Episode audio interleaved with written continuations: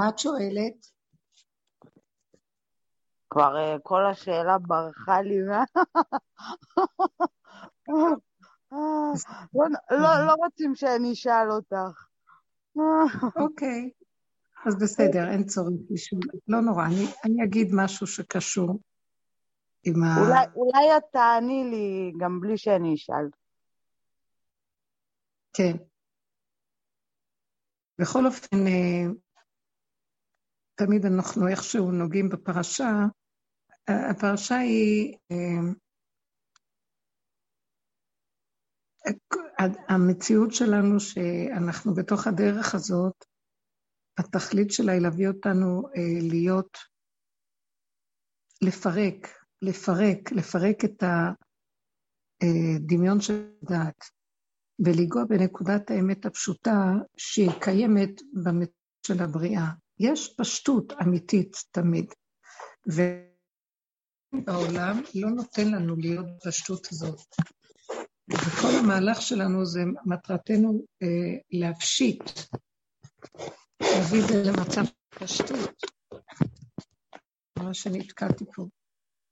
אתם שומעות? שומעים מצוין.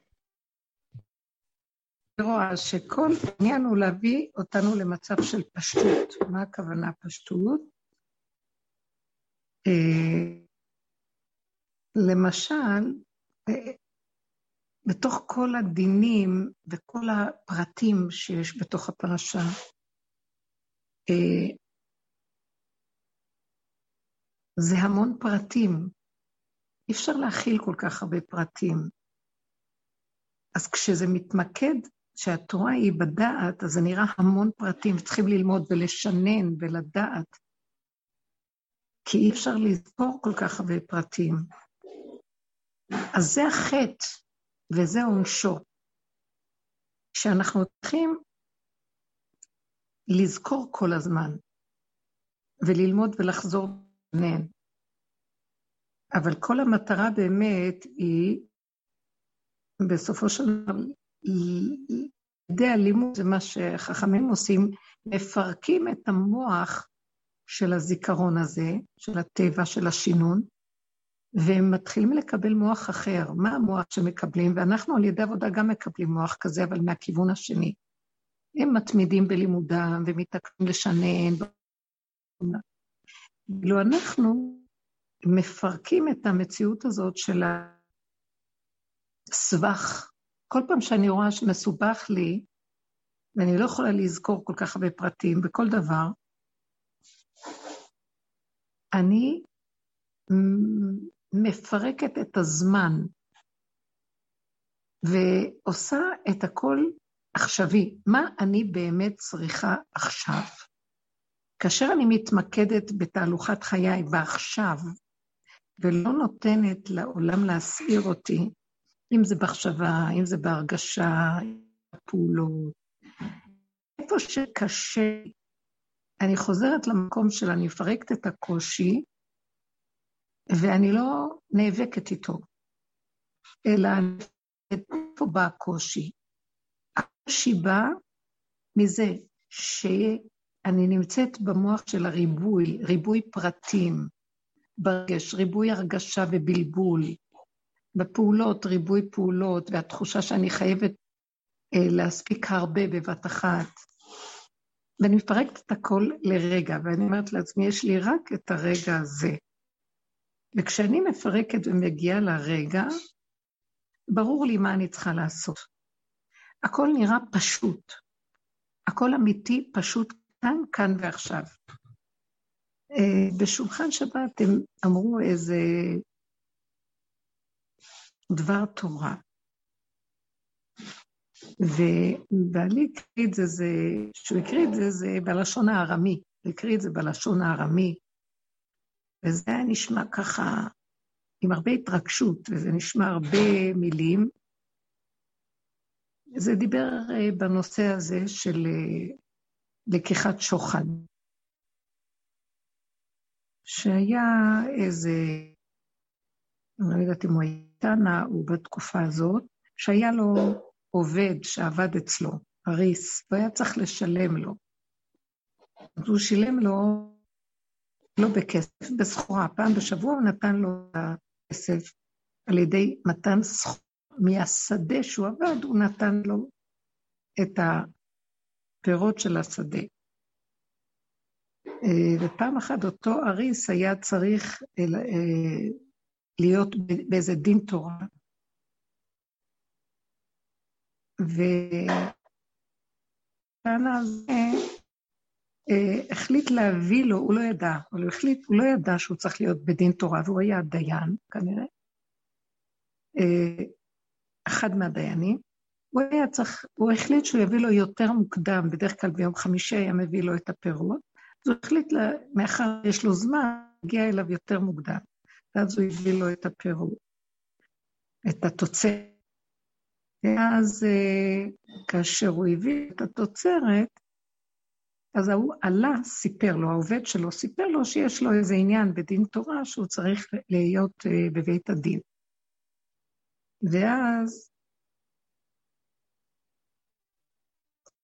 כשאותו אה, תנא שהוא הגיע אליו, המעביד שלו, אמר לו, אני לא אוכל להיות בדין תורה שלך, מאחר ואני הבאתי לך את הפירוט, ויש לי, אפילו שזה כסף שאתה צריך לקבל, יש לי איזו תחושת הנאה מזה שהבאתי לך ואני לא יכול להיות דיין, מאחר וזה מין, אני אהיה משוחד בעניין שלך. אז אני אה, מונע את עצמי מלהיות בבית הדין, יהיה דיין אחר כנראה במקומי.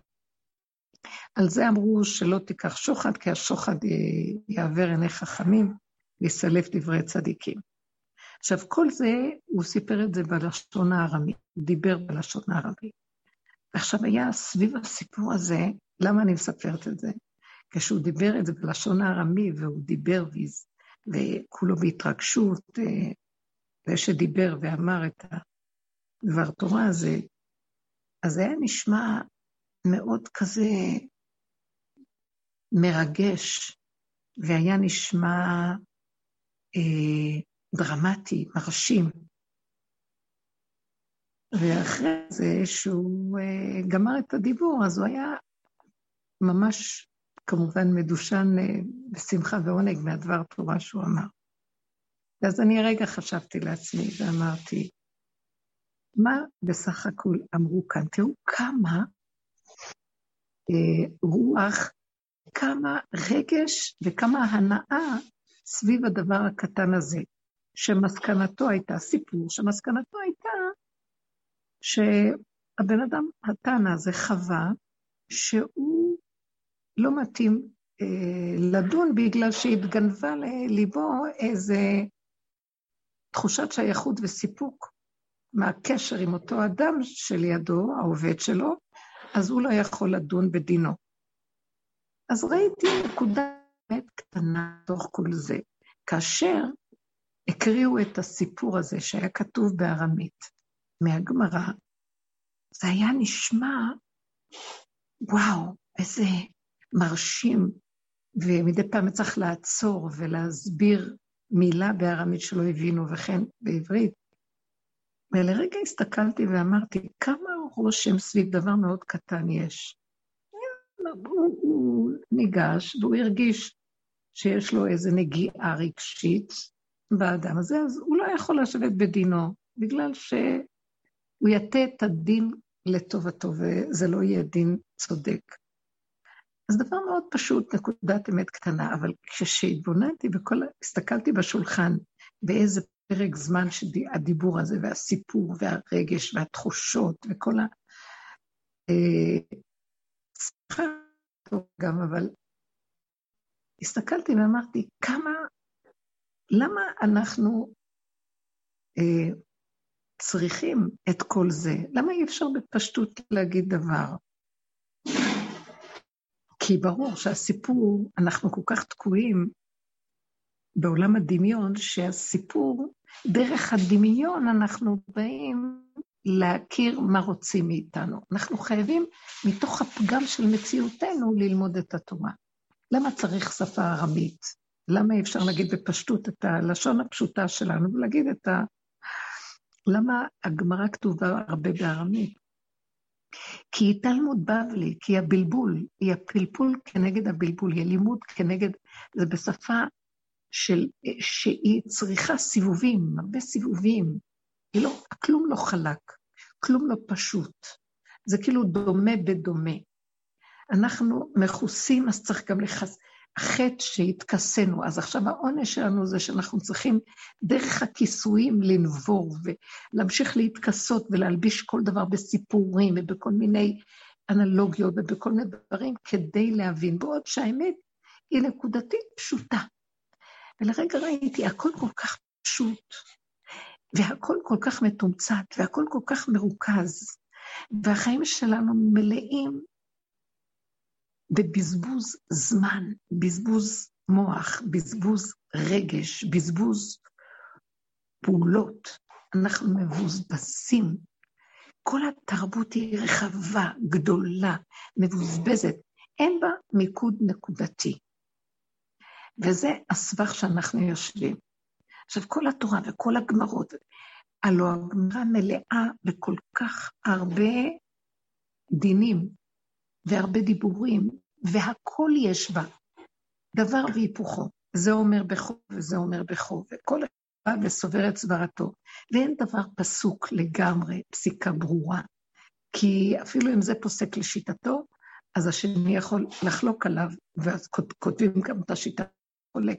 וסבך, סבך, וזה המון פרטים והמון אפשרויות, וצריך הרבה לימוד, ולכן כל כך הרבה כדור בכל הדורות, והסתכלתי שזה התרבות שאנחנו חיים בה במיטבה, התורה, ולא סתם ספרים.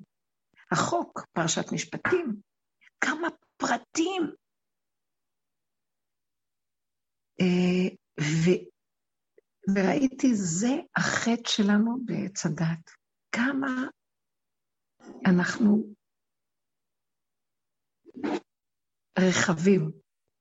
ברגע שהמוח שלנו כזה, ואנחנו חיים בגדלות כזאת, והרבה ידע והרבה לימוד והרבה שינון והרבה ספרים, יש, זה נקרא רשות הרבים.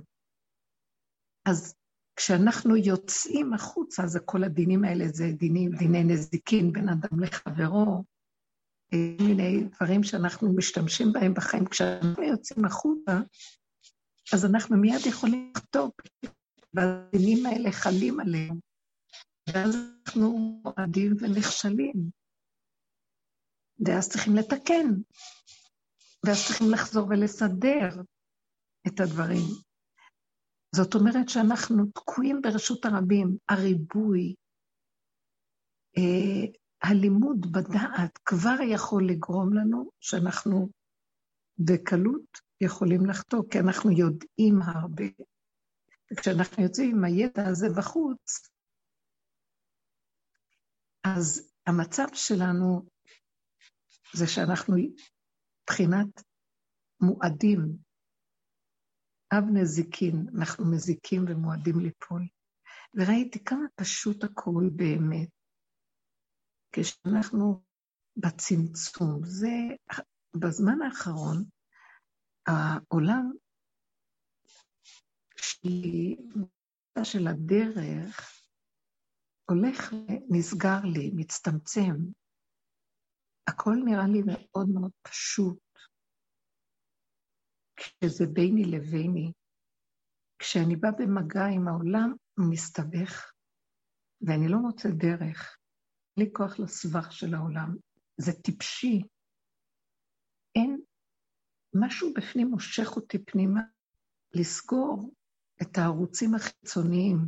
זה לא שזה מנותק מהעולם, זה מנותק עם התקשורת עם העולם.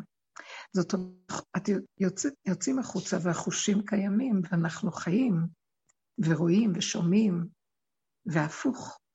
ככל שהתגובות הן לא, הן מרוכזות פנימה ולא יוצאות, החושים יותר דולקים, פחות אנרגיה מבוזבזת, יותר רואים, יותר שומעים, יותר נושמים, יותר חיים. הקשר עם הנפש בפנים מתפתח יותר, במקום שאני אדבר החוצה כל כך נשים ולכל מיני, ואני אתבזבז, כי אני צריכה, לפי חוק העולם, להקשיב, להמתין שהשני אומר, ולהקשיב, להסביר, הוא בערוץ אחר, אני בערוץ אחר. אנחנו מבזבזים המון אנרגיות דרך התקשורת הזאת של העולם, דרך הלימוד. אז תגידו, אז נהיה מנותקים? תקשיבו, אם היינו חכמים, לאן הדרך הזאת מובילה אותנו? אין תקשור יותר גדול מהאדם עם עצמו, בתוכו יש כוחות מדהימים. בינו לבין הבריאה יש קשר מדהים, אם הוא ייתן לחושים שלו להתפתח, שלא יהיו מבוזבזים ודובים מהמוח. המוח גונב אותנו ומוציא אותנו מהאפשרות של הקשר הפנימי. תכלית העבודה היא רובד אחר רובד לפרק את התקשורת שלנו עם רשות הרבים. אז מה זה התקשורת הזאת? עכשיו, זה לא אומר שאנחנו מנותקים. זאת אומרת שאנחנו מוצאים את הפלאג של הקישור של תודעת עץ הדת, שזה צורת הקשרים שאנחנו כאן חיים בעולם. צורת הקשרים של הבאות הדברים וההתרגשויות והאנליטיקה של המוח וה... התייחסות, אנחנו מנתקים, ואז מה? סוג של תקשורת אחר מתגלה. זה לא שמאבדים את התקשורת עם העולם, עם הבני אדם, אנחנו מאבדים את הסוג הזה של תודעת עץ הדת. בתוך העולם פה יש תקשורת אחרת, יש עולמות אחרים. אנחנו לא מצליחים להגיע אליהם בגלל שהתודעה הזאת רחבה, גונבת, בולעת, מכריחה, היא יונקת, היא שודדת. אז אני רואה, דבר ראשון, מה שהדרך הזאת עשתה לי, אחרי כל כך הרבה עבודה, אני בהחלט, בהחלט יורדת מהמצב של דומה בדומה מתקן. לא רוצה יותר לעשות את העבודה מהסוג הזה, כי המוח שלי כבר לא רוצה להתהלך דבר מול דבר, כי זה מפרנס את המוח, את צורת העולם, אז זה לא יהיה בן אדם, אז זה יהיה אני עם עצמי בחשיבה. אז עדיין זה רשות הרבים רק מול עצמי. המוח שלי עם ההתנהגות שלי והביקורת שלי על עצמי, ואני עובדת פנימה. זה בסדר, זו עבודה יותר טובה מאשר להיות מול התקשורת החיצונית, אבל גם זה תקשורת שיש לה ספיחים של העולם בחוץ. והמהלך הוא עוד יותר פנימה. זאת אומרת, שזה כבר לא אנליטיקה של המוח לפרק, לחפש, לראות איזה נקודה ולהוציא.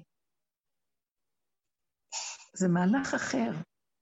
זה מהלך של שקט, מדמימים את הנש של מוח עץ הדעת, שמגיב, שהוא פועל לפי התגובה ולפי מה שמקובל בגירוי תגובה שלו, ומחזירים את עצמנו לכאן ועכשיו, כל הזמן לרגע העכשווי. והתגובתיות היא קטנה, היא ביחס למה שאני צריך כאן ועכשיו הרגע. לצאת מן העומק. ההתבוננות העמוקה מפריעה. לא צריך להתבונן במוח של עץ הדת, כי זה עוד מאכ... מפרנס אותו, מאכיל אותו, ומוח חדש רוצה לעלות, ואני רוצה להיות קשורה עם המוח החדש. אז מה אני צריכה לעשות כדי להיות קשורה עם המוח החדש? להפסיק לתקשר עם המוח הישן.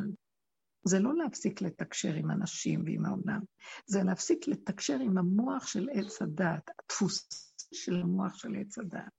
אז איך תהיה התקשורת?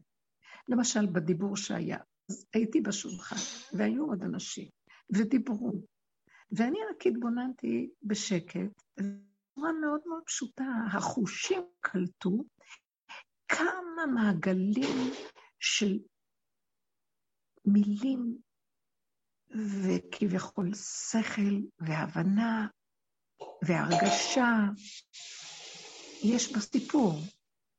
כאשר בסוף הפואנטה, סוף הדבר היה נקודה קטנה שרוצים להגיד.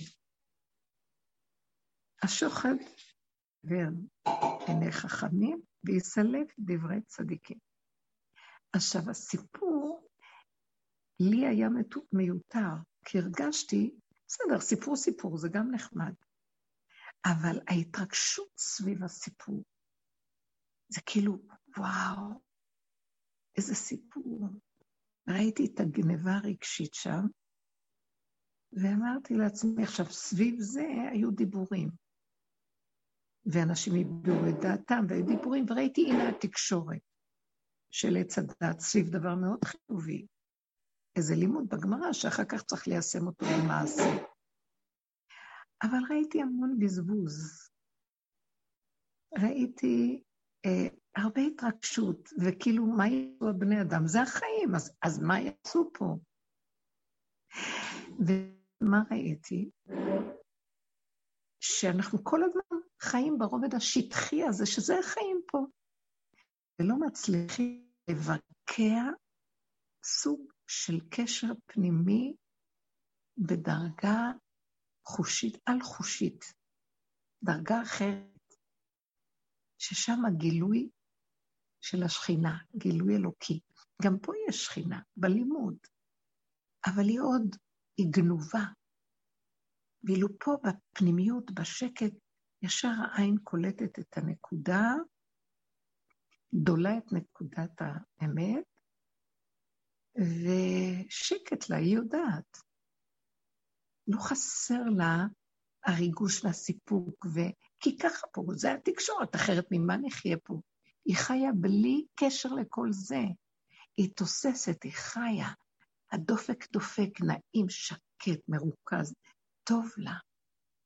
אבל זה בכלל לא מהתקשורת של העולם, שבוא נדבר, בוא נלמד, בוא נתווכח, בוא אה, נזרוק איזה משהו אינטלקטואלי ונדבר עליו, או משהו של לימוד, או... שככה זה כאן התקשורת.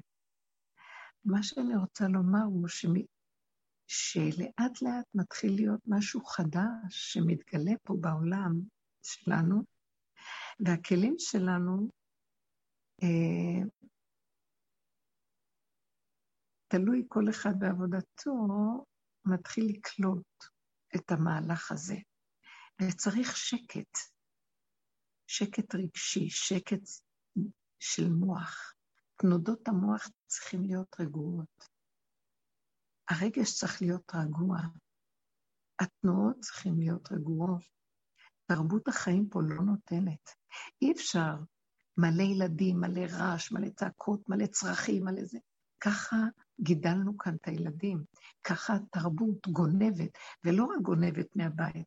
כמה גירויים מבחוץ קיימים, שכל הזמן מכריחים אותנו להיות בתקשורת ההמונית, העולמית, שמסעירה אותנו, ואנחנו תלויים בה, וכל הזמן פותחים כדי לשמוע מה רוצים, מה קורה, מה צריך, מה... בזבוז חיים. אדם אחרי 120 יוצא מחייו, ובשנייה אחת הוא יבזבז את כל מציאותו פה.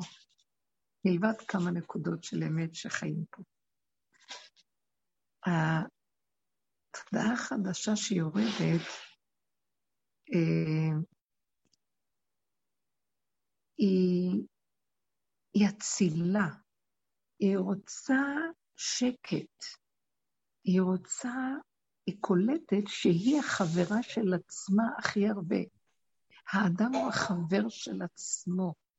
בתוכו יש אנרגיה מדהימה של אהבה, של רכות, של דעת עצומה, שהיא ברגע יכולה להכיל הרבה.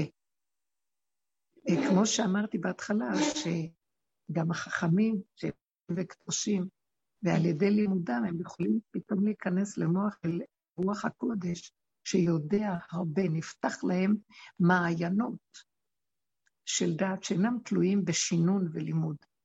הם הופכים להיות נחל נובע מכיוון המוח, דרך זה הם מבקעים.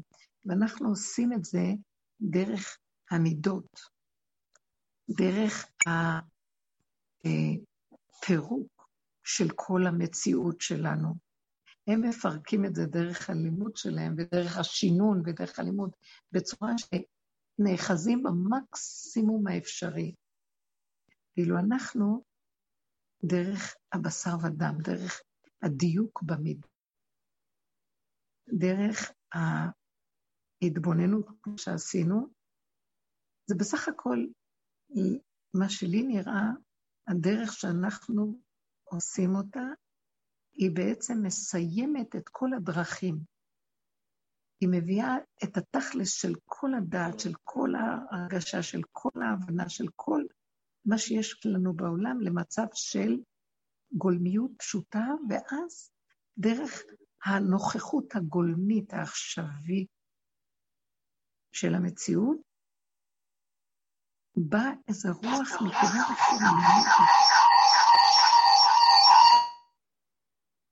מלמטה נובע איזה חדשה.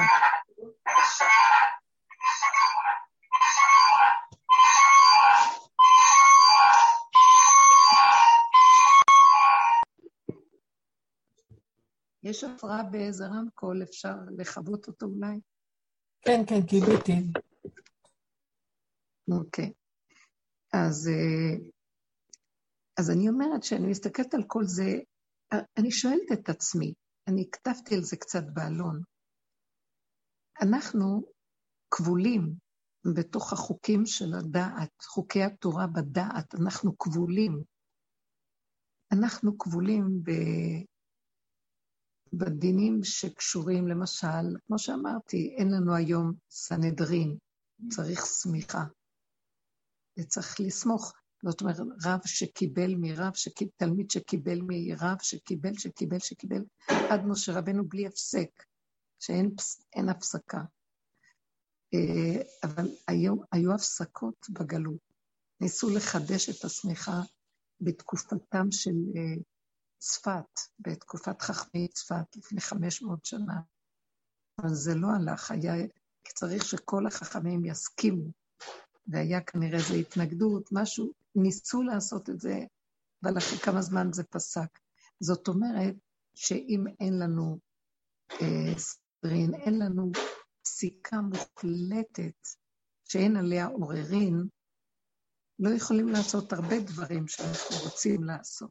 אנחנו תקועים. אנחנו תקועים על, בחוקי התורה. אז אנחנו יכולים לדון בדברים שאנחנו אבל הרבה מצוות והרבה דברים שיכולים לקיים אותם פה, נתקעים, אנחנו תקועים. אה, ואני אומרת לעצמי, בוא נגיד אה, העניין של אה, בניית בית דש, שאנחנו נחשבים טמאי מתים וצריכים אפר פרה כדי לטהר אותנו, כדי שנתחיל לעשות את המצוות שקשורות בקדושה, כי יש לזה הרבה הרבה דינים, והם דינים חמורים. מורה מקדש הוא דבר חמור מאוד, צריך, יש הרבה הלכות, אבל אנחנו כבולים מלקיים, ואנחנו יושבים ומחכים שמשיח יבוא. בעוד שהיו תקופות אה, שכן פתחו ובנו בית מקדש, היה בתומים, היה שם המלך, ובזמן נחמיה ועזרא, שהם באו מגלות, מהגלות, שנתן להם רשות לעלות, אפילו שרוב ישראל לא היו אה, על אדמתם, אז הם בנו, אפילו שלא היו אז אורים ותומים. אני, מה אני רוצה לומר? שככל שאנחנו מסתבכים עם עץ הדת, ברחבות של עץ הדת, בדעת, ב... כל כך הרבה אנחנו יודעים, כל כך הרבה התרחבנו. אנחנו הולכים ומתרחקים מהנקודה הפשוטה של ההתחדשות, שהאפשרות להתחדש. רק שנייה, רק שנייה. מיכה? מיכאל? של ההתרגשות, של ה... אנחנו מתרחבים, כמו שנתתי את הדוגמאות בהתחלה. אז המוח שלנו לא מוצא פתח איך לצאת, איך אפשר להתיר את הנקודה. למשל, כדי שתהיה פרה אדומה, צריך כהן שהוא טהור, שהזוע קודם את המי, את המי פרה אדומה, שהוא שילך ויתעסק עם פרה אדומה. אז מי, מה יתחיל את מה? זה לא רק שצריך פרה אדומה, צריך גם כהן, שהוא גם טהור, שהוא לא מת. תקשיבו, זה דבר שסבוך, אז למה מחכים? שיבוא משהו גבוה ויתיר. אז זאת אומרת, אנחנו על פי דעת חושבים שצריך להיות משהו עם דעת עוד יותר רעת, כדי שהוא יוכל להתיר. ואני רואה דבר פשוט. דרך הדרך הזאת, אני רואה שיבוא משהו, שהשכל שלו יבוא מכיוון אחר לגמרי, והוא לא יראה את כל הסבך הזה. הוא יראה שהכל מאוד פשוט. והוא ידע איך להתחיל, כמו שמשה רבנו בא עם אור גדול, והוא התחיל את הכל מחדש, לא הייתה פרה אדומה, זה חטא. אלעזר הכהן התעסק עם הפרה, אבל לא היה אז. משה רבינו התחיל את הכל מחדש. מחכים למשיח. מי זה המשיח הזה שיבוא ויסדר דברים חדשים, יחדש את השמיכה, כאילו הוא זה שקיבל ממשה רבינו. הוא צריך לבוא אחד שבאמת יש לו ערוץ פתוח ומתקשר מעד הסוף בלי הפסקה. זה הדרך מביאה את זה. הדרך מפרקת את המוח של עץ הדת ומחברת אותנו לשכל אחר לגמרי. כי אי אפשר עם השכל של עץ הדת, עם השכל של החכמים, חכמים היום, של לפי הפסיקה של התורה, אנחנו תקועים. אנשים חכמים הם מדהימים, הם מבעטים במוח שלהם, הם יודעים כל כך הרבה, והם כל כך הרבה...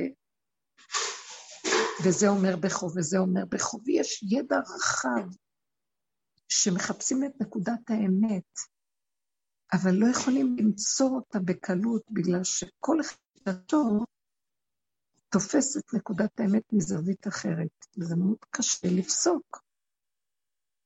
צריך לבוא אחד שיסוד הגולם, שהוא נוגע ביסוד העין, שהוא מפרק את כל המוח הזה, וכאילו עושה ערקה, ופותח ערוץ חדש מכיוון אחר לגמרי. זה לא אומר שאותו אדם לא יהיה חכם, הוא יהיה חכם שנוגע ביסוד עין, והחוכמה מהעין תימצא. הוא לא יהיה מהחוכמה של היש,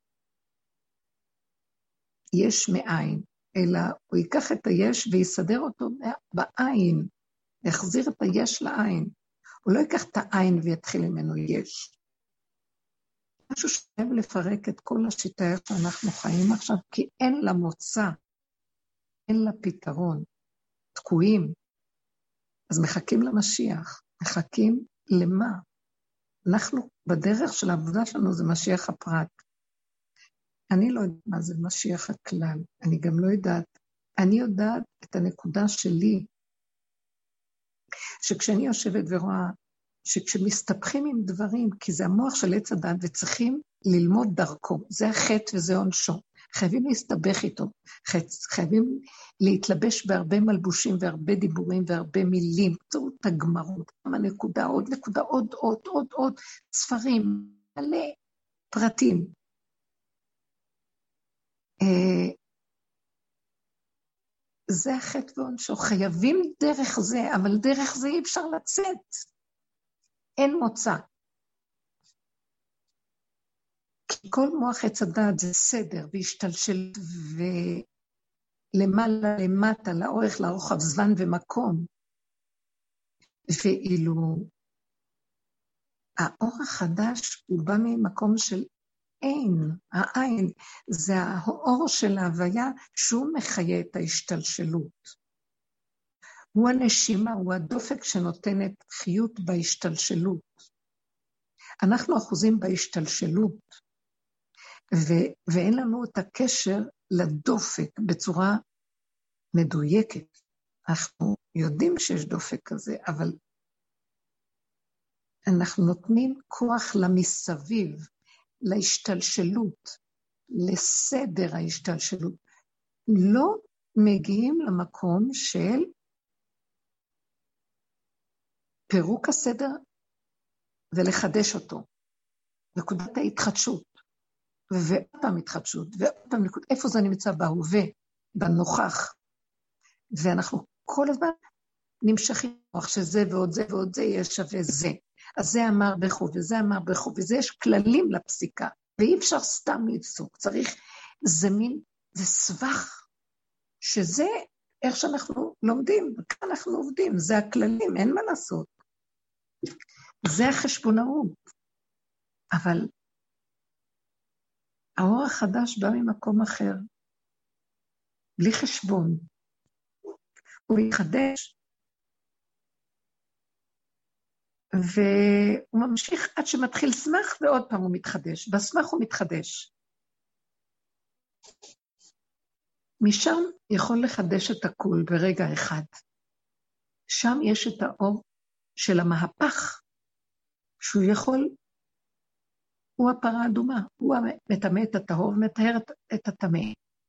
ברגע אחד שני דברים גם יחד יכולים לקרות. אבל כדי להגיע לאור הזה צריך להיות, לנגוע בנקודת הגולם והבהמה. לחוות את המקום של הפסקת המוח. רבי עקיבא עם עוד שלושה שנכנסו לפרדס, יוכיח את זה. הוא ידע להיכנס, והוא גם ידע לצאת, ואחרים הסתבכו. הם לא יכלו לצאת מהסבך, כי הם הסתבכו בבלבול. הם הסתבכו בהשתלשלות של הסדרים של מעשה מרכבה. הם עלו מעולם לעולם לעולם לעולם. והם ראו דברים. הם ידעו בכל עולם מה צריך להיות, כי הם למדו והם ידעו. וכשהתבלבל להם ממה שהם למדו פה לעומת מה שהם רואים, לא יכלו לצאת מהסבך הזה. היה להם התרגשות, היה להם קושיות. איך יכול להיות? הסתבכו. ורבי עקיבא היחידי שלא הסתבך, למה? כי הוא לא נתן למוח שלו להתרחב. נשאר במקום שאיפה שהיה לו רגע איזו קושייה, הוא חזר לנשימה והסכים שהוא לא יודע. הוא לא יעשה בכוח למצוא במקום הזה של החוויה. אלא אם הוא קולט, קולט, ואם לא, הוא הולך קדימה, הלאה. לסדר הבא, לשלב הבא של הראייה. הוא השאיר את זה איך שזה ככה. הוא הסכים לחיות עם זה איך שזה ככה. ואז הוא יצא בשלום מהסבך. הוא התחדש. איפה שהיה סבך, איפה שדבר לא היה נראה לו, הוא אמר, אני לא, אני לא נכנס בזה, אני לא מתרחב, סכנה. אני ממהר מרגע לרגע, אני לא משתהה ונהיה חמץ. אני מכאן יוצא לנקודה החדשה הבאה. ולא עליי המלאכה לגמור. ואז הוא יצא בשלום. עכשיו, אנחנו בעולם, וכל רגע, אלה שבדרך, אנחנו, עיקר עבודתנו היא בכיוון הפוך, צמצום וחזור לאחוריך. אבל אנחנו בעולם, ויש לנו קשר בעולם, ויש לנו שייכות לעולם. מה אנחנו עכשיו עושים עם הדרך? כל מטרתנו היא לעמוד על המשמר. איפה שאני רואה שאני מתחיל להסתבך ומתרחב, מתרגש, מתבלבל, אז חייב למהר לחזור לפירוט של אני לא יודע, לא מבין, ככה זה, ואני לא נכנס יותר עמוק בזה. אז אני מתחיל לצמצם את האנרגיות שלי ואת הסכנה של הרחבות למצב של אפשרות להזיז את המוח לכיוון אחר, מבט מסוג אחר. למה לי להסתבך? לא, אנחנו יודעים בחיים שכשאנחנו מתעקשים, מסתבכים. יש בתוך מהלך עץ הדת ובלימוד וגם בקיום של המצוות, יש תקופות ארוכות שעבדנו בכל הדורות, גם על התגברות, ודווקא להתגבר, ולא לתת, החשבנו שזה נקרא עצלות, לא להיכנס בתוך העולם. שלא היה דבר שהשארתי שלא ניכנס בו. ודווקא זה היה האתגר הכי גדול. איפה שיש כוח המנגד הגדול, דווקא שם היה לי את האתגר הכי גדול להיכנס ולנצח אותו. ולא להתרפות ולא כדי שאני אה, במקום הזה אוכיח לעצמי שאני לא השארתי דבר שהוא לא מסודר.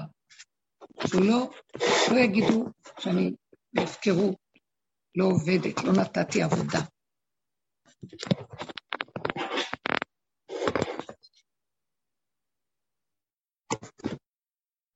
אז ראיתי שהעבודה הזאת מורידה אותנו לאט לאט מהכיוון הזה. זה כבר לא הדומה בדומה, לא, זה לא מול העולם, זה לא אפילו מול עצמי עם דעת העולם. הסוף, המדרגות הסופיות של הנגיע בגול, זה הצמצום אחורה למקום של למה להיכנס בסבך הזה? מה זה מועיל לי? מה יש לי מזה?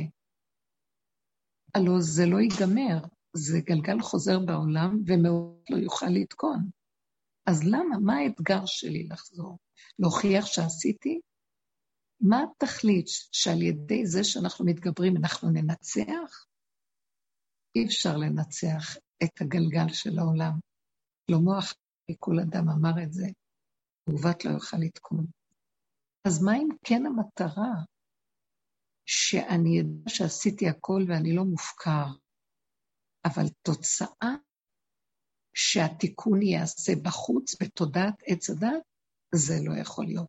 אין תיקון לעץ הדת, מעוות לא יוכל לתקון. זה גלגל סזיפי שהוא בנוי ככה, לכתחילה, ואין לו תיקון. אז מה כן יש? שאני אסיק מסקנה של קיבוץ גלויות. תתקבצי פנימה, תרפי ותעזבי, ותתחילי להתעייפי מן העולם. תתעייפו, תפרקו את העולם, ותדעו שזה לעולם לא יתוקן. אבל אני באה כבר ברמה אחרת לתודעה החדשה. אני באה ברמה של, ברור, אני לא אלך עוד פעם להסתבך, חבל לי על הזמן, כבר חטפנו, אז אני מקבלת שאני לא. אז לא צריך, לא יהיה לי את הקשר הזה, את התוצאות של העולם. אבל בפנים מתחיל להיות משהו חדש. יש, אנחנו כובשים כיוון חדש, רגיעות, שלווה פנימית, אחדות, דיבור. הדיבור, אני לא מבזבז את הדיבור בחוץ. יותר טוב לו לאדם בשלבים האלה שלא הולך לו מה שאדם שהולך לו. כי כשהולך לו אז הוא, הוא נכנס לעולם ומסתבך עם העולם וחושב שהעולם וואו. כשלא הולך לו, הוא מתחיל להשקיע פנימה בתוכו. הדרך הזאת, רב אושר היה קורא, כמו שדוד המלך אמרו עליו שהוא נפל. הוא היה, הוא הכיר שהוא מציאות של נפילה. מה פירוש? הוא מציאות שמשהו לא יעשה, התוצאה היא תוצאה. גם אם יש לו תוצאה, זה לא נקרא תוצאה, היא בכל רגע עוד פעם להתהפך ולהיות משהו אחר. זה לא תוצאה בר קיימא, זה לא נצח. אז הוא התייעץ מזה ואמר, אני נפל, אנחנו מציעים נפילה פה. רב אושר היה משתמש במילה הזאת הרבה. אנחנו מציאות של נפילה. זאת אומרת, כל בני אדם מציאות של נפילה, אבל נדמה להם שהולך להם, זה הדמיה. מה? בסוף האדם מת. אז כל מה שהוא עשה פה, הוא, הוא, הוא משאיר את זה פה ואין לו כלום. צבא רכוש. הוא לוקח את זה איתו? לא. אז זה נקרא נפילה. בסוף, מה יוצא לך זה? תיתן את זה לאחרים, עזבו לאחרים חלק. ישנם דברים שבאמת אדם לוקח איתו לנצח, שזה, במקום שישים את המוח שלו בהבלים של העולם, אז הוא שם את זה בתכנים טובים. אה, תורה, מצוות, מעשים טובים, חסד. אבל יש משהו יותר גבוה מזה. שהאדם בעולם הזה מפרק את עץ הדת, והוא נשאר פה, ופה הוא חי לנצח. מה הכוונה פה? הוא מצליח להוריד שכינה, והוא חי פה לא כמו שאנשים חיים. חיים בתקשורת של עץ הדת, והוא חי בתקשורת עם שכינה, מתהלך בעולם, והוא חי בקשר אחר לגמרי של מציאות חיים. קשר האמיתי שהוא חי פה, זה קשר כמו שנגיד, זה המדרגות שמה שהשם רצה להביא את עם ישראל, ואתם תהיו לי ממלכת כהנים וגוי קדוש. ויגורו בעולם, יחיו בעולם, ויקיימו את התורה בעולם, לא כמו שאנחנו בגלות מקיימים, שזה בדעת עם תקשורת של העולם, אלא שקיימו המצוות בעולם עם תקשורת עם בורא עולם. שבתוך כל מצווה ומצווה תחינה, והקשר הכי גדול דרך המצווה עם השכינה. ועכשיו, האדם השני, שלישי, רביעי שקיים בעולם, אני מקושר אל כורח הקשר שלי לשכינה, לא כורח של קשר של תקשורת של דת. זה משהו אחר.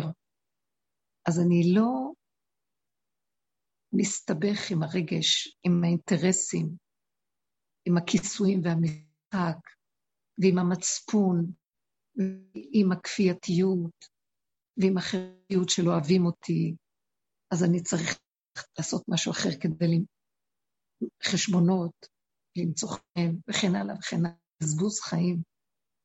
זה חיים מסוג אחר. הדרך בסופו של דבר אמורה ומתחילה להביא אותנו למקום הזה. אנחנו בעולם.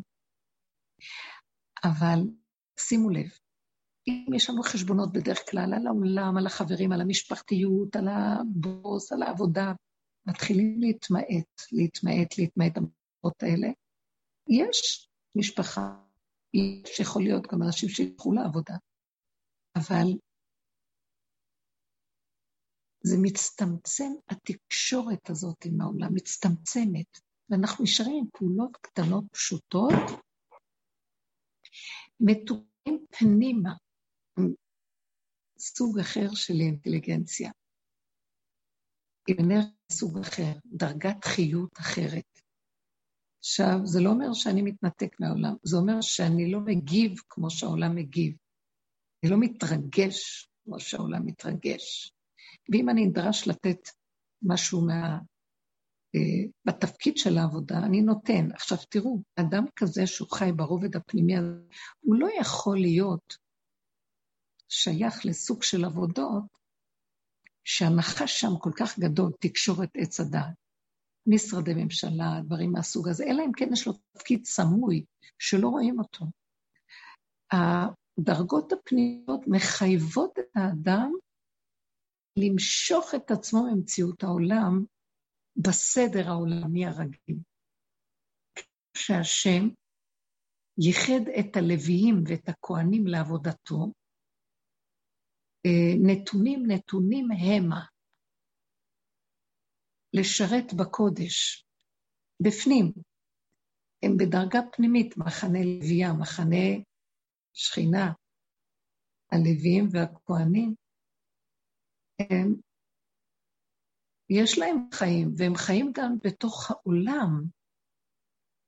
ערי הלוויים היו בכל מיני הערים שהלוויים גרו בהם היו מגרשים ש...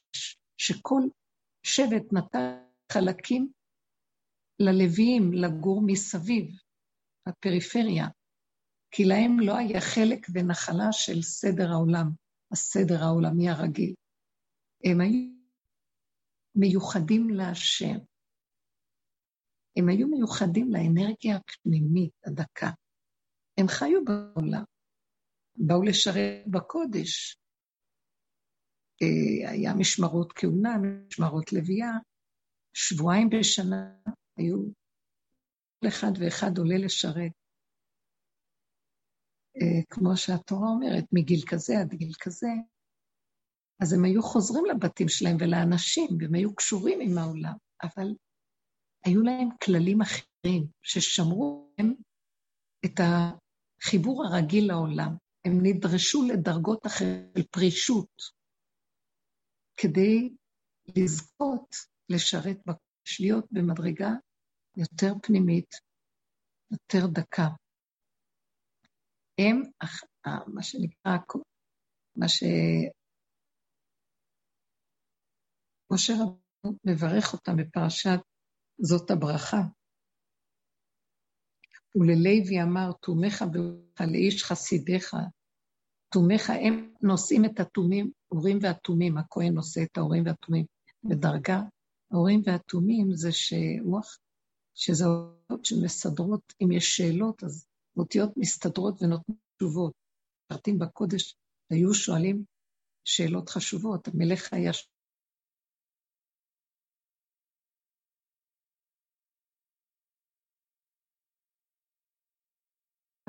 יש לי געגועים לזה. אני מרגישה שאנחנו תקועים פה, תקועים. הייתה נבואה. למה, למה עזרא נחמיה, שהם כבר היו מה... המאוחרים יותר בנבואה, נביאים אחרונים, למה הם יכלו לחזור ולבית המקדש? למה אנחנו לא? אה, כי יש כללים איך עושים את זה, אבל הם דילגו על הכללים גם. יש על, יש על זה דינים שלמים, אני לא נכנסת בזה עכשיו. מה נחשבת קדושה ראשונה של עזריים, ומה הקדושה של עזרא ונחמיה קידשו. אני, בנייה של בית שני, לא נכנסת בזה, אבל אני רואה את החוזק, את ה... חגי הנביא אומר שהיה מעט יהודים פה בארץ ישראל, כבר גלו בבית ראשון, וחזרו, לא היה כל ישראל יושבים על אדמתם. אז לא רצו כל כך להתעסק בבנייה. אמרו, מה פתאום, אנחנו נבנה בית? מה? אמר להם, אתם חגי, תיגשו ותעשו. ידיים, זה מצווה מהתורה במעשיות פשוט. הכל היה פשוט להם. הפשטות הזאת, הם ניצלו את הסיבות שכורש נתן רשות לעלות. אני עכשיו לא נכנסת בסוגיה הזאת. אני מסתכלת ואני אומרת, מה זה הנבואה? מה זה הבנייה? מה זה, זה, זה פשוט, אבל המוח של עץ הדת מסבך. הכל סבך, אי אפשר לצאת מהסבך הזאת. זה עלייה וקוץ בה. דבר שקשור בדבר שקשור בדבר, שקשור בדבר שקשור בדבר. לך תתיר את הסבך הזה ותמצא היתר. אף אחד לא מצליח למצוא היתר. זה חייב לבוא ממוח אחר, זה לא המוח של עץ הדת. המוח של עץ הדת תקוע. אנחנו תקועים. תקועים עם לימוד, תקועים עם מדע, תקועים עם הרבה הלכות, תקועים עם בויסטים, תקועים, ואין לנו חזון ובשורה. מתוך תורה מדהימה שקיבלנו. ואנחנו יושבים ומחכים. חכמים, גם החכמים מאבדים את גדולתה בתורה בגלל המצב הזה. אין לנו בשורה מהרבנות, אין לנו בשורה. שהם אנשים צדיקים ותלמידי חכמים, אבל זה תקוע במוח של המחויבות של הפסיקה. אף אחד לא יכול, מחויבות שהתהפכה. צריך לבוא משהו ממוח מכיוון אחר לגמרי.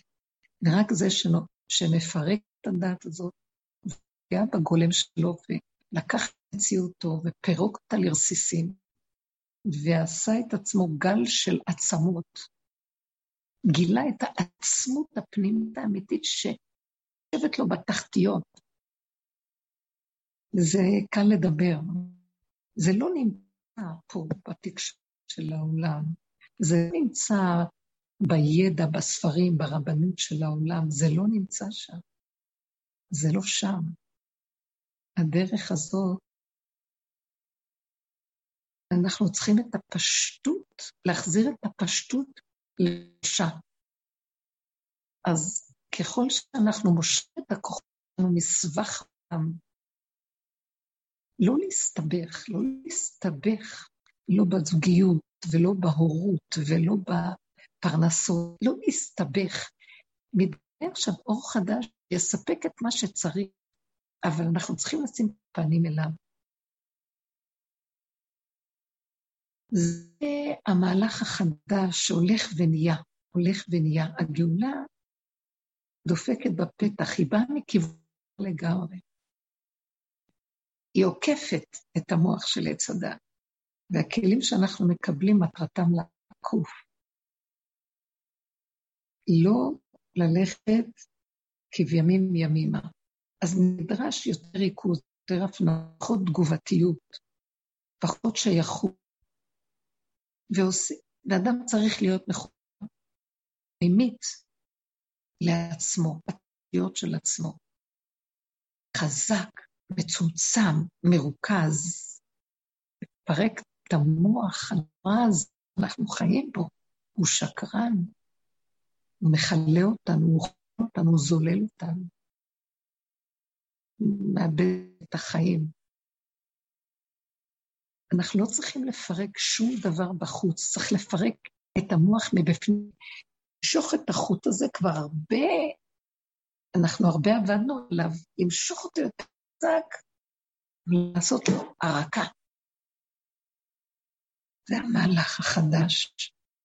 כל השאר זה סבך. איך להביא משיח, בואו נעשה זה, בואו נעשה... אנשים מדברים, זה, אנשים כל כך מתגעגעים, אין את הדרך. אז הם הולכים לאיבוד בסבך של עץ הדת עם רעיונות, עם רוחנות, עם השגות, עם דיבורים, עם לימודים. רב אושר היה אומר, דרך אחרת לצאת, זו הדרך. וכל החוכמה שלנו להיות בעולם, לדעת להיכנס ולצאת. כמו שנכנסו מעשי מרכבה, יצאו, כי וידע לצאת. כל רגע אנחנו בעולם, אז אנחנו יכולים להיכנס. בשנייה אנחנו מסתבכים, ובשנייה לא להסתבך, ולמהר, ולהיות נוכח, ולוותר על הסבך.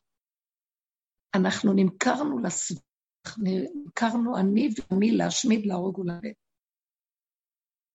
לא רוצים יותר את זה.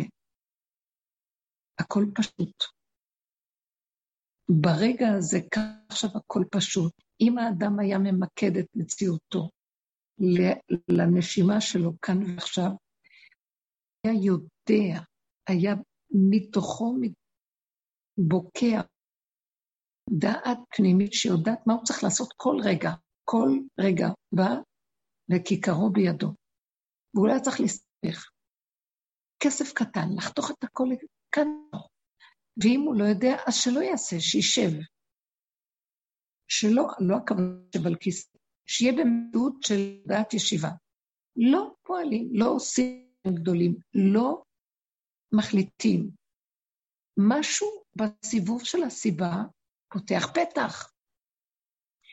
נגיע למקום שלא אנחנו אלה שפותחים את הדלת, רצים לפעול ולעשות, שהמוח הוא המריץ אותנו.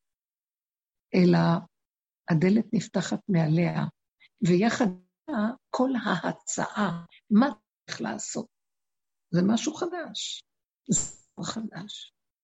כל רגע בא, והוא נותן לנו, אם אנחנו ממוקדים, מרוכזים, ולא שפו החוצה, טובים, אז אנחנו רואים שולחן ערוך, בוא ותפעל. פעולות קטנות, פה, שם. קטן נקודתי, מרוכז. שקט. עולם המעשה בשלווה, ברגיעות. ולא מעניין התוצאות אפילו. השלווה מעניינת, הרגיעות מעניינת. אדם עסוק בטוב. דרכו קמה חיות שפועלת, ומהחיות הזה הוא חי. הוא לא צריך כבר תוצאה, שהוא פועל בדיעבד על מנת להגיע לתוצאה שזה העיקר. לא, עצם ההתעסקות היא חיות, שכר מצווה, מצווה. בסדר הכל, איך שזה ככה. ולא חסר דבר, אם ילך הדבר או אם יישאר, כי טוב לו לאדם איכשהו ככה הרגע הזה. זה מהלך אחר, מהלך חדש. אתן רוצות אולי להגיד משהו? אני רק שנייה אחת חוזרת. האם יש מישהו שרוצה לשאול משהו? כן, אני כן. רציתי, מרים. כן. אה, רציתי להגיד שאני כן. מאוד מקשיבה למה שאת אומרת באיזה תשומת לב מאוד עמוקה, אין לי משהו אחר אלא דרך השכל והמוח, לא יכולה אחרת להקשיב, זה ה... ואני שואלת את עצמי כל הזמן שאת מדברת על עצמי, איפה אני מונחת בעניין הזה? איפה אני מונחת? אה, שבת הייתי, היינו אצל הבת שלי, ובאמת היה מאוד מאוד יפה, וגם דיברו, דיברו, דיברו, דיברו, דיברו, והרגשתי שאני לא יכולה לשמוע אותם יותר, אז הלכתי לי לאיזה מקום ששם ראיתי אותם, אבל לא הייתי בתוך הקלחת של הדיבורים וההסברים והפירושים וכל זה. ופתאום בעלי שאל, איפה את? איפה את? כאילו, איפה נעלמתי? הרגשתי שאני לא... אם אני... אני לא יכולה להגיד את, את הדברים האלה שאני שומעת עכשיו שאת מדברת. רציתי להגיד, רציתי להגיד, תסתכלו, תסתכלו מסביב, תראו איזה אור יש בבית, איזה נוכחות, נוכחות של הקדוש ברוך הוא, יש נוכחות, עזבו את כל הדיבורים האלה. הייתי אומרת את זה אם היו חושבים שנפלתי מהראש. והיה אוכל טוב וכל זה, ואני כשאת מדברת אני שואלת את עצמי, אז אם זה לא היה איזה הרגשות של התנשאות, אני לא יודעת, לא יודעת, אני לא יודעת להגיד, ואני גם לא יודעת איך להיות אחרת, לא יודעת. אני ש... מקשיבה לא, לך בכל לא. הלב. לא, אני אומרת שהיית מה שאת. את לא חייבת להיות מעורבת בשיחה. יכולה להקשיב, לשמוע. יש איזה רגע, את אומרת, זה... את כמה הולכת, אחרים שואלים איפה את, איפה את. זה בסדר שהם ישאלו, זה בסדר שהם מדברים, שהם יהיו מה שהם יהיו. זה לא חשוב כלום, אני לא באה לבקר. חשוב שאני אהיה מה שאני, בלי לרצות אותם, בלי אה, להתווכח איתם, בלי להתקיף אותם, בלי לבקר אותם. אז הם במקום הזה. אבל גם אני במקום שאני לא רוצה להיות שייכת. אני כבר לא רוצה להזיז אחד מהמקום שלו ולהגיד להם איפה להם להיות. לא. כי מה שאני מדברת עכשיו זה עבדנו, אמרנו, כדי שאני אדבר למישהו ואני אגיד לו את האמת הפנימית שלי, אני קודם כל צריך להיות מחובר באמת לאמת הפנימית שלי. אנחנו לא פשוט זה לזכות את הרבים, כמו בתודעת עץ הדת. יש בתודעת עץ הדת מושג זיכוי הרבים. אז זה כשעוד אנחנו בדומה בדומה ואנחנו מזכים את הרבים. פה זה זיכוי הפרט.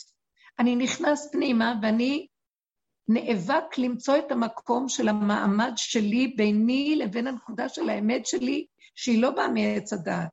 זאת אומרת שהיא, אני לא רוצה להתערב, אני לא רוצה להתווכח, אני גם לא רוצה לבקר אותם, אני לא רוצה לכעוס. אני מחפש איפה נקודת האמת שתתאים לי פה, ושתזין אותי. אני מחפש את המקום הזה. וכשאני מוצאת אותה, ואני קמה רגע והולכת מהשולחן, זה בסדר. כשמבקשים אותי ושאני אחזור, זה גם בסדר. ואני יכולה לחזור ולשבת, ואני יכולה גם לא לחזור ולהגיד, אני עוד מעט אחזור. זה לא דבר שאני צריכה לשתף את כולם בו. אם הם יציקו לי ויתחילו להתקיף אותי, אז אני יכולה גם לשתוק ולא להגיד, אלא אם כן, אני אגיד להם את המקום האמיתי, איפה שאני נמצאת, כשלי זה מאוד ברור. זאת אומרת, שאני אהיה חזקה בכך שאני לא אכעס עליהם, למה הם מציקים לי. לא אגיב ברגש, שאני לא ארצה אותם ואגיד, טוב, טוב, סליחה, שאני לא אתקיף ושאני לא, כל מיני, שאני אגיד להם בפשטות, אני נהנית מהשקט ומההתבוננות מסביב. אני נהנית עם החיבור שלי עם עצמי בשקט, עם הקיים כאן. יש כאן הרבה חיות שקיימת מעבר למילים התקשורת אה, שאנחנו רגילים בעולם, ואני נהנית ממנה. זהו. כשאדם הוא מתרגל את זה וחי את זה, הוא גם בטוח כשהוא מדבר, והוא אומר את זה בצורה שקטה ויפה. וזהו. אני לא נגד אף אחד, אני לא רוצה להילחם. אני, זה מעוות לא יוכל לתקון, אני גם לא באה לגייר אתכם לנקודה שלי. אני רוצה לחיות במקום כזה. המקום הזה שאנחנו בפרט חיים בו, בצמצום אחורה, ומתחברים אליו, הוא כוח מגנטי שמזכה את הרבים מבלי לעשות שום זיכוי רבים.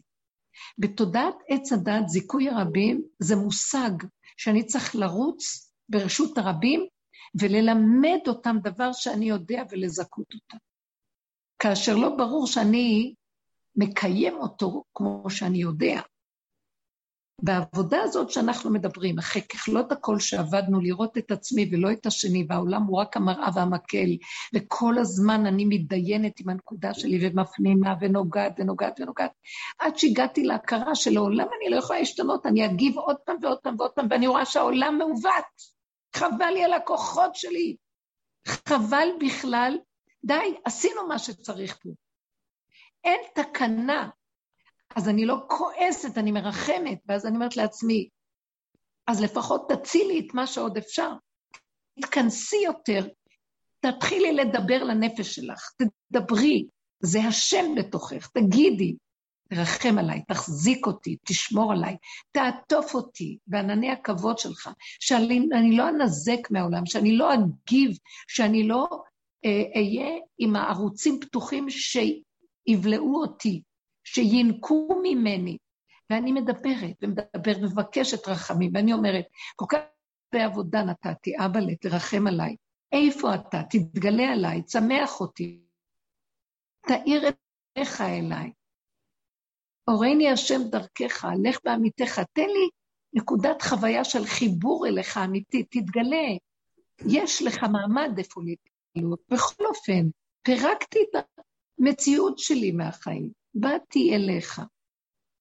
אז תעזור לי לא לאבד את הנקודה הפנימית ששם אני בהתייחדות איתך, שאני שם ממתקת סוד איתך, אני ואתה. העולם יגנוב אותי, הוא לא נותן את המקום הזה. נותן דעת והבנות והשגות וריגושים ומה לא, טיפוסים וריחופים ועניינים. הוא לא נותן את המקום הפנימי של השקט הזה. לא ברעש השם, כמו השלג, שקט. שהשלג יורד, שקט. הוא יורד, העולם העליון יורד לפה, הוא יורד בשקט. והוא רוצה שאני אהיה בשקט על מנת לתקשר עם השקט הזה. התודעה של עץ הדת רעשנית, שערה, בלבול, בהלה, לא ייגמר הדבר הזה שם. גנבה נוראית.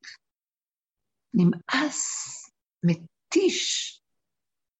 די, אנשים שלא בדרך, סתם האנשים, העולם, עייף מהעולם. כבר לא מאמינים לעולם אנשים, לא מאמינים. שותקים, מתכנסים בדלת אמותיהם כבר. אין להם כוח להילחם, לא עם הממסד ולא עם הסיפור ולא מה שקורה, ולא עם כלום. אנשים כבר רוצים להילחם, שותקים, מתכנסים. העבודה שלנו עוזרת לעולם להתכנס. זה השעה של התכנסות. הפנמה, שקט, רגיעות. לדייק את החושים, לנקות את הערוצים, את, את ממש ענית לי, ענית לי כן. בדיוק כמו בדולח. ממש, כן. ממש, ממש, אני מודה לך מקרב הלב, ממש חדר לי ללב. ולהיות אחד, לא ציערתי אף אחד. אין סוף לדינים של רשות הרבים, אני קוראת בפרשת משפטים, אני אומרת, אין סוף. לא רוצה לחיות שם כדי שאחר כך אז אני אצטרך לעשות זה וזה וזה וזה וזה וזה, אין לי כוח. לא יוציא מזה ראש. אי אפשר לחיות בעולם כמו שזה נראה. תלמידי חכמים שהם דיינים, גם הם מתכנסים. כמה חוכמה יש להם לדעת את החוקים. הם מפחדים, יש להם יראה, יראתם קודמת לחוכמתם. הם מפחדים מהעולם. מה אנחנו כל כך רצים בעולם? בשנייה שאנחנו מועדים, אנחנו אב נזיקים, מזיקים לעצמנו ולאחרים. מילה אחת לא במקום. דיבור לא יודעת. טוב, לא צריכים גם להתרגש מדי. אז לרגע אמרתי, לא, כרגע חזרתי. אה, נכנסתי לפרדס והסתאבתי, בשנייה לחזור. אין כלום. לבטל, להפך, לעיין, לחזור, להתחדש, לשאוב מחדש, ולהישמר. להישמר, כן. זה לא אומר שאנחנו מתנתקים מהעולם, שוב פעם אני חוזרת. אנחנו מתנתקים מתקשורת ידועה בעולם, מהסוג של התקשורת של העולם, של רשות הרבים. אבל אנחנו בעולם. דעו לכם, זה דמיון רשות הרבים, הוא לא קיים.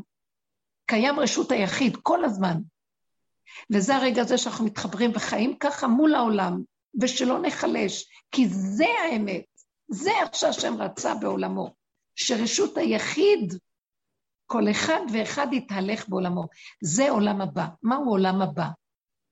שאנחנו, השם רוצה שנשיא, שהוא יהיה בעולם הזה, שכל אחד אינו נכווה בחופתו של חברו. כלומר, כל אחד יושב ביחידה שלו, והיחידה של השני לא מעניינת אותו.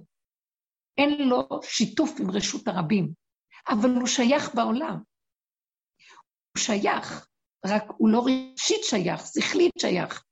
שימו לב, זה לא שהוא יושב ואין על לידו, אנרגיות שסותרות אותו. זה מה שמפריע. כמו עדר, כולם ביחד מתכנסים, אבל כל אחד לבד עם עצמו, מה שבני אדם בתודעת עץ הדת לא יודעים לעשות. אז זה מה שאנחנו רוצים, לחזור למקום שכולם יהיו ביחד, אבל כל אחד לחוד, ואין אף אחד מלבדו, והוא מחובר לאין עוד מלבדו. אותו אחד פה, האדם, הוא כלי לאין עוד מלבדו של בורא עולם פה. תדעו לכם שאין עוד מלבדו בתוך האדם. כשהאדם הוא במציאות של אין תודעת עץ הדת, ויש את השקט הפשוט, הריכוזי הזה. תראו, זה קל לדבר, זה מאוד קשה למחוק את התודעה. זה מעט מעט הגרשנו מפניך וכבר, אבל זה הסוף. יותר ויותר נדרש מאיתנו מין אה, ייאוש מהדעת. מה שנקרא, אבדה באה בהיסח הדעת, ייאוש מהדעת. ככה הרגשתי, ככה הרגשתי בקורונה שהייתי חולה, ממש כן. ככה, זהו, אין כלום, כלום, כלום. לבד כן. עם עצמי. השם מביא את הקורונה, זה אור כזה שיורד להמחיש לנו. ואפילו שאנחנו קצת נחלשים ממנה, אבל החוויה היא אוספת אותנו למקום הזה. ככל שנדייק בנקודת העבודה הפנימית שם, גם החולי ידלג עלינו, אבל איכשהו, אפילו אם הוא בא, זה טוב, זה מרגיע. להסכים, לחוות, להיכנס בזה, לא להיבהל. זה בסדר, זה חי וקיים בתוך זה. אה, ולא לשחק את העולם יותר ולהתרצות שיגנבו לנו את הכוחות. החשבונאות של העולם. רשות היחיד, נפתח הפתח לרשות היחיד עכשיו. השם יתגלה פה. זה הזמן שעוד פעם, כוחות הראשונים, הם מתחילים עוד פעם, הלא...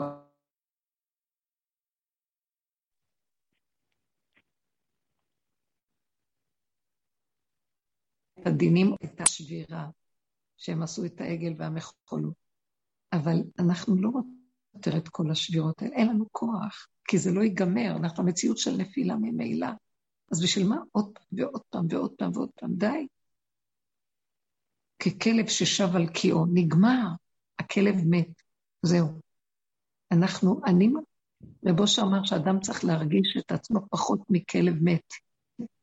כלומר, שמת, כלב מת זה המדרגה הראשונה, אחר כך פחות מזה גם. זאת אומרת שעץ הדת הוא הכלב המת. מתחיל למות לנו המציאות של ההתרגשות פה והמשמעות של העולם. לא כל כך בטוח שמה שאנחנו מפרשים זה זה. לא חייב המשמעות שאנחנו נותנים, לא חייב כלום. חייב השקט, שלווה, ההתאחדות עם עצמנו, ההסכמה, ההתרפקות כגמול עלינו, כגמול על היה הפתיעה בה, תתגלה. אז הוא אומר, אני כל הדורות, בכל רגע מוכן ומזומן לגילוי. אתם צריכים לתת את הנקודה. אין בעיה בגילוי שלי. אז זה הכלי וזה המקום לחזור פנימה ולהתחיל להתנתק צורת התקשורת הזאת. אנחנו נמצאים בה, אבל שימו לב לתגובות שלנו. כל העבודה שעשינו עכשיו זה התהליך שמביא אותנו בסוף לפה. בסדר, הכל בסדר, זה עולם כמנהגו נוהג. אבל אין בהם חפץ בצורת העולם. יגיעו ימים אשר אין בהם חפץ. אין חשק לצורה של העולם. אין חשק, זה כבר מאוס, לעוס, מאוס. כמה אפשר עוד פעם את הצורה הזאת של החיים? תקשיבו, כמה אפשר, זה מדהים, כמה אפשר, לא יודעת מאיפה להתחיל בכלל. אפילו דבר שהוא כל כך נענה מול ללמוד פרשת השבוע הטוב, כמה אפשר לחזור לאותה צורת חשיבה של לימוד התורה? לחדש, הוא חדש, חדש. ואין חדש מן התורה, אבל התורה היא חיד גדול, דקה שמישהו יבוא ויחדש אותה. תורה מאיתי תצא, תורה חדשה מאיתי תצא. אמרו חז"ל. מה זה חדשה? הלא אין חדש מן התורה. לא תהיה מוחלפת התורה הזאת, אנחנו אומרים בי"ג העיקרים, אלא הכוונה, בתוך התורה הזאת נגלה אור חדש, בתוך התורה. נו, בוא נגלה. מתגלה איפה שמפסיקים עם התודעה של עץ הדת שהיא ישנה, היא נותנת את הגילוי הזה. אז צריך להפסיק את הערוצים שלה ולהישאר בפשטות. לא נהיה טיפשים, לא נהיה גלמים. גורם לעץ דעת, תבין. נהיה גול לתקשורת של העולם, אבל נהיה חכם לתודעה. זה שני פנים לדבר. וזה מה שאני רוצה לומר. אז תהיו כולנו צריכים להיות חזקים בנקודת האמת שלנו ולא אה, לבלבל מהעולם, ולא לתת להם לשדוד את הנקודה הזאת שאנחנו רואים בה כך הרבה אה, השלמה וקבלה פשוטה שלא בשבילי כל מה שהולך. לא רוצה, לא, לא, רוצה, לא רוצה. אה, אני רוצה את הקשר עם המשפחה, ולא כמו הדפוסים הקודמים. אני רוצה את הקשר עם אה, העולם, ולא כמו הדפוסים הקודמים. אני רוצה את הפעולות ואת העשייה של העולם, אבל לא כמו הקשרים המקובלים הקודמים בפרשנות ובמשמעות. שימו לב, מנפים את הכל ונשאר האקסיומה, העיקרון של מציאות העולם, רצה שיהיה ביור. הוא רצה משפחתיות, הוא רצה שיהיה התעסקות בעולם, אבל לא גנוב כמו שאנחנו גובים, זה מזעזע. הכל כל כך קטן ונקי ואמיתי, כאן ועכשיו כל רגע, וזהו. נהיה ספרים, נהיה ספריות, נהיה עולמות, נהיה קהילות, נהיה, מה, נהיה משפחתיות, שבטים, עולם. הכל פשוט. יכול להיות שבטים, יכול להיות משפחתיות, אבל היא רשות היחיד, היא הופכת להיות... כל אחד, הוא לא יזכור זה משפחה. באותו רגע שהוא נפגש, זה המשפחה. באותו רגע שהוא פועל, זה הדבר. לא מתויק לי במחסן דברים. ברשות הרבים. תודה עץ הדת. טוב, אז תודה רבה לכם. אם יש לכם משהו לשאול או להגיד עוד. תודה, תודה. אם לא, אז אותה. הרבנית, אפשר להגיד כן. משהו? שלום, שבוע טוב לכם. כן, כן. אה, זאת רות. אה, פשוט אני רציתי להגיד תודה ענקית לבורא עולם ולרבנית ולדרך הזו. אני הייתי עם הקורונה, כן. השם שלח לי את המתנה, ובזמן הזה ישבתי ושמעתי את השיעורים של הרבנית, אני חדשה בדרך הזו, ואני פשוט לא, אני לא יודעת איך להגיד את זה, לא רוצה להכניס לי בהתרגשות, אבל היה לי יום הולדת, נולדתי בפרשת יתרו, ופתאום ראיתי את הקשר שלי ליתרו, שהוא חיפש, כל כך חיפש, אני גם גיורת. נו, אז וחיפשתי כל כך הרבה דרכים מהדר... מהרגע שהפכתי להיות יהודייה. מה לא הלכתי, מה לא עשיתי, איפה לא הייתי, כל, ה... כל הרבנים, רבניות, זה... וכל הזמן חיפשתי את השקט הזה, החיבור להשם, את הפשטות הזה, הלא כלום הזה, ולא מצאתי בשום מקום, וסוף סוף השם הביא אותי, ופשוט אני... אני לא יודעת, אני אומרת, יכול להיות שזה כזה פשוט, וזה... ויש מלא ניסיונות, אני התעייפתי, אמרתי להשם, זהו, אני לא יכולה מה יותר, לא יכולה.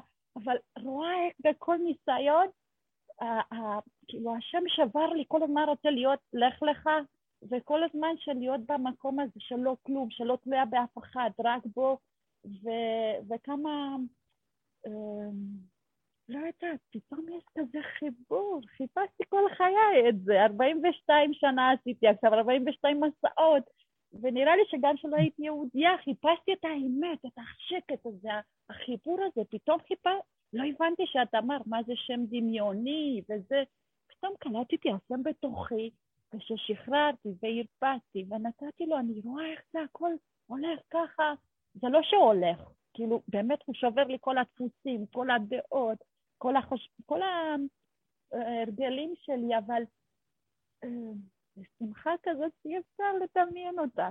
אני לא מאמינה שהקורונה הביאה לי את זה, הכניס אותי בבית, שם אותי בבית, אין לך, ופתאום התחלתי לשמוע את השיעורים, והיה לי את השקט לשמוע את השיעורים, שלפני הייתי עסוקה בהרבה דברים, אני צריכה לעשות, אני חייבת זה, זה. פתאום ניסים ונפלאות קורים, אבל זה ממקום אחר, לא. מהמקום שחיה לפני, שהייתי כן. אומרת, השם אוהב, השגחה, זה זה עץ אדם. ממש. יש הרבה עבודה, אני רואה איך הוא, רק בשבת הזאת כמה, אבל ממש זה שווה, אין, זה באמת האמת.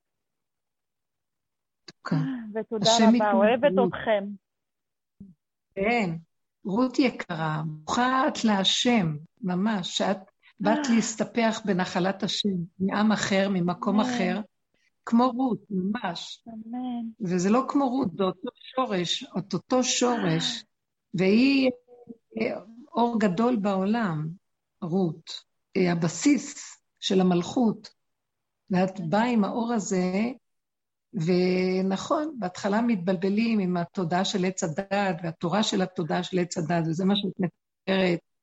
וצריכים את זה גם כן, זה חלק גם כן תיקון שצריכים לעשות, אבל עד שזוכים עוד פעם לחזור לשקט ולפשטות. שמשם תבוא מלכות דוד, זה המקום הזה של החזרה לגולמיות הפשוטה, האמונה הפשוטה, גולמית שקיימת בבסיס, לא ממוח עץ הדת, בבסיס שאת עשית דרך מאוד ארוכה, ובסוף את חוזרת למקום שממנו בעצם השורש שלך, את בת, שורש המלכות. אז זה הדרך. ותראי, זה צריך להתעקש עם הדרך כדי לפרק את ה... זה הייסורים של רות, שהיא באה משדה מואב, לפרק את כל אה, מעטים ואת כל המסכים המבדילים של כל התרבויות וכן הלאה. והשם יזכה לך, וברוכה את להשם, ואוהבים אותך, רות אמן. היקרה. אמן. אה, חכה לך מחר. זה. כן, בעזרת השם. זה כזה קלות תודה. שלא צריך לרצות. זה מדהים.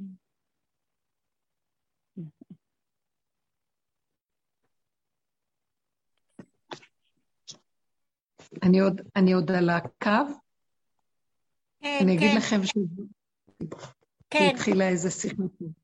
אז שבוע והרבה נחת ואהבה רבה, וישועות ובשורות טובות. אמן, אוהבים גם אותך, לך. רות היקרה. אה, תודה. לא, זה, זה יצא רות אחרת, אבל רציתי להגיד גם לך תודה. רות, רות מתוקה, כל הרות. הרב קניקי אומר, כל בית צריך שיהיה לו שם רות. צריך מישהו שיקרא רות בכל בית. טוב, שבוע טוב, כל טוב. שבוע טוב, כל טוב, תודה. תודה.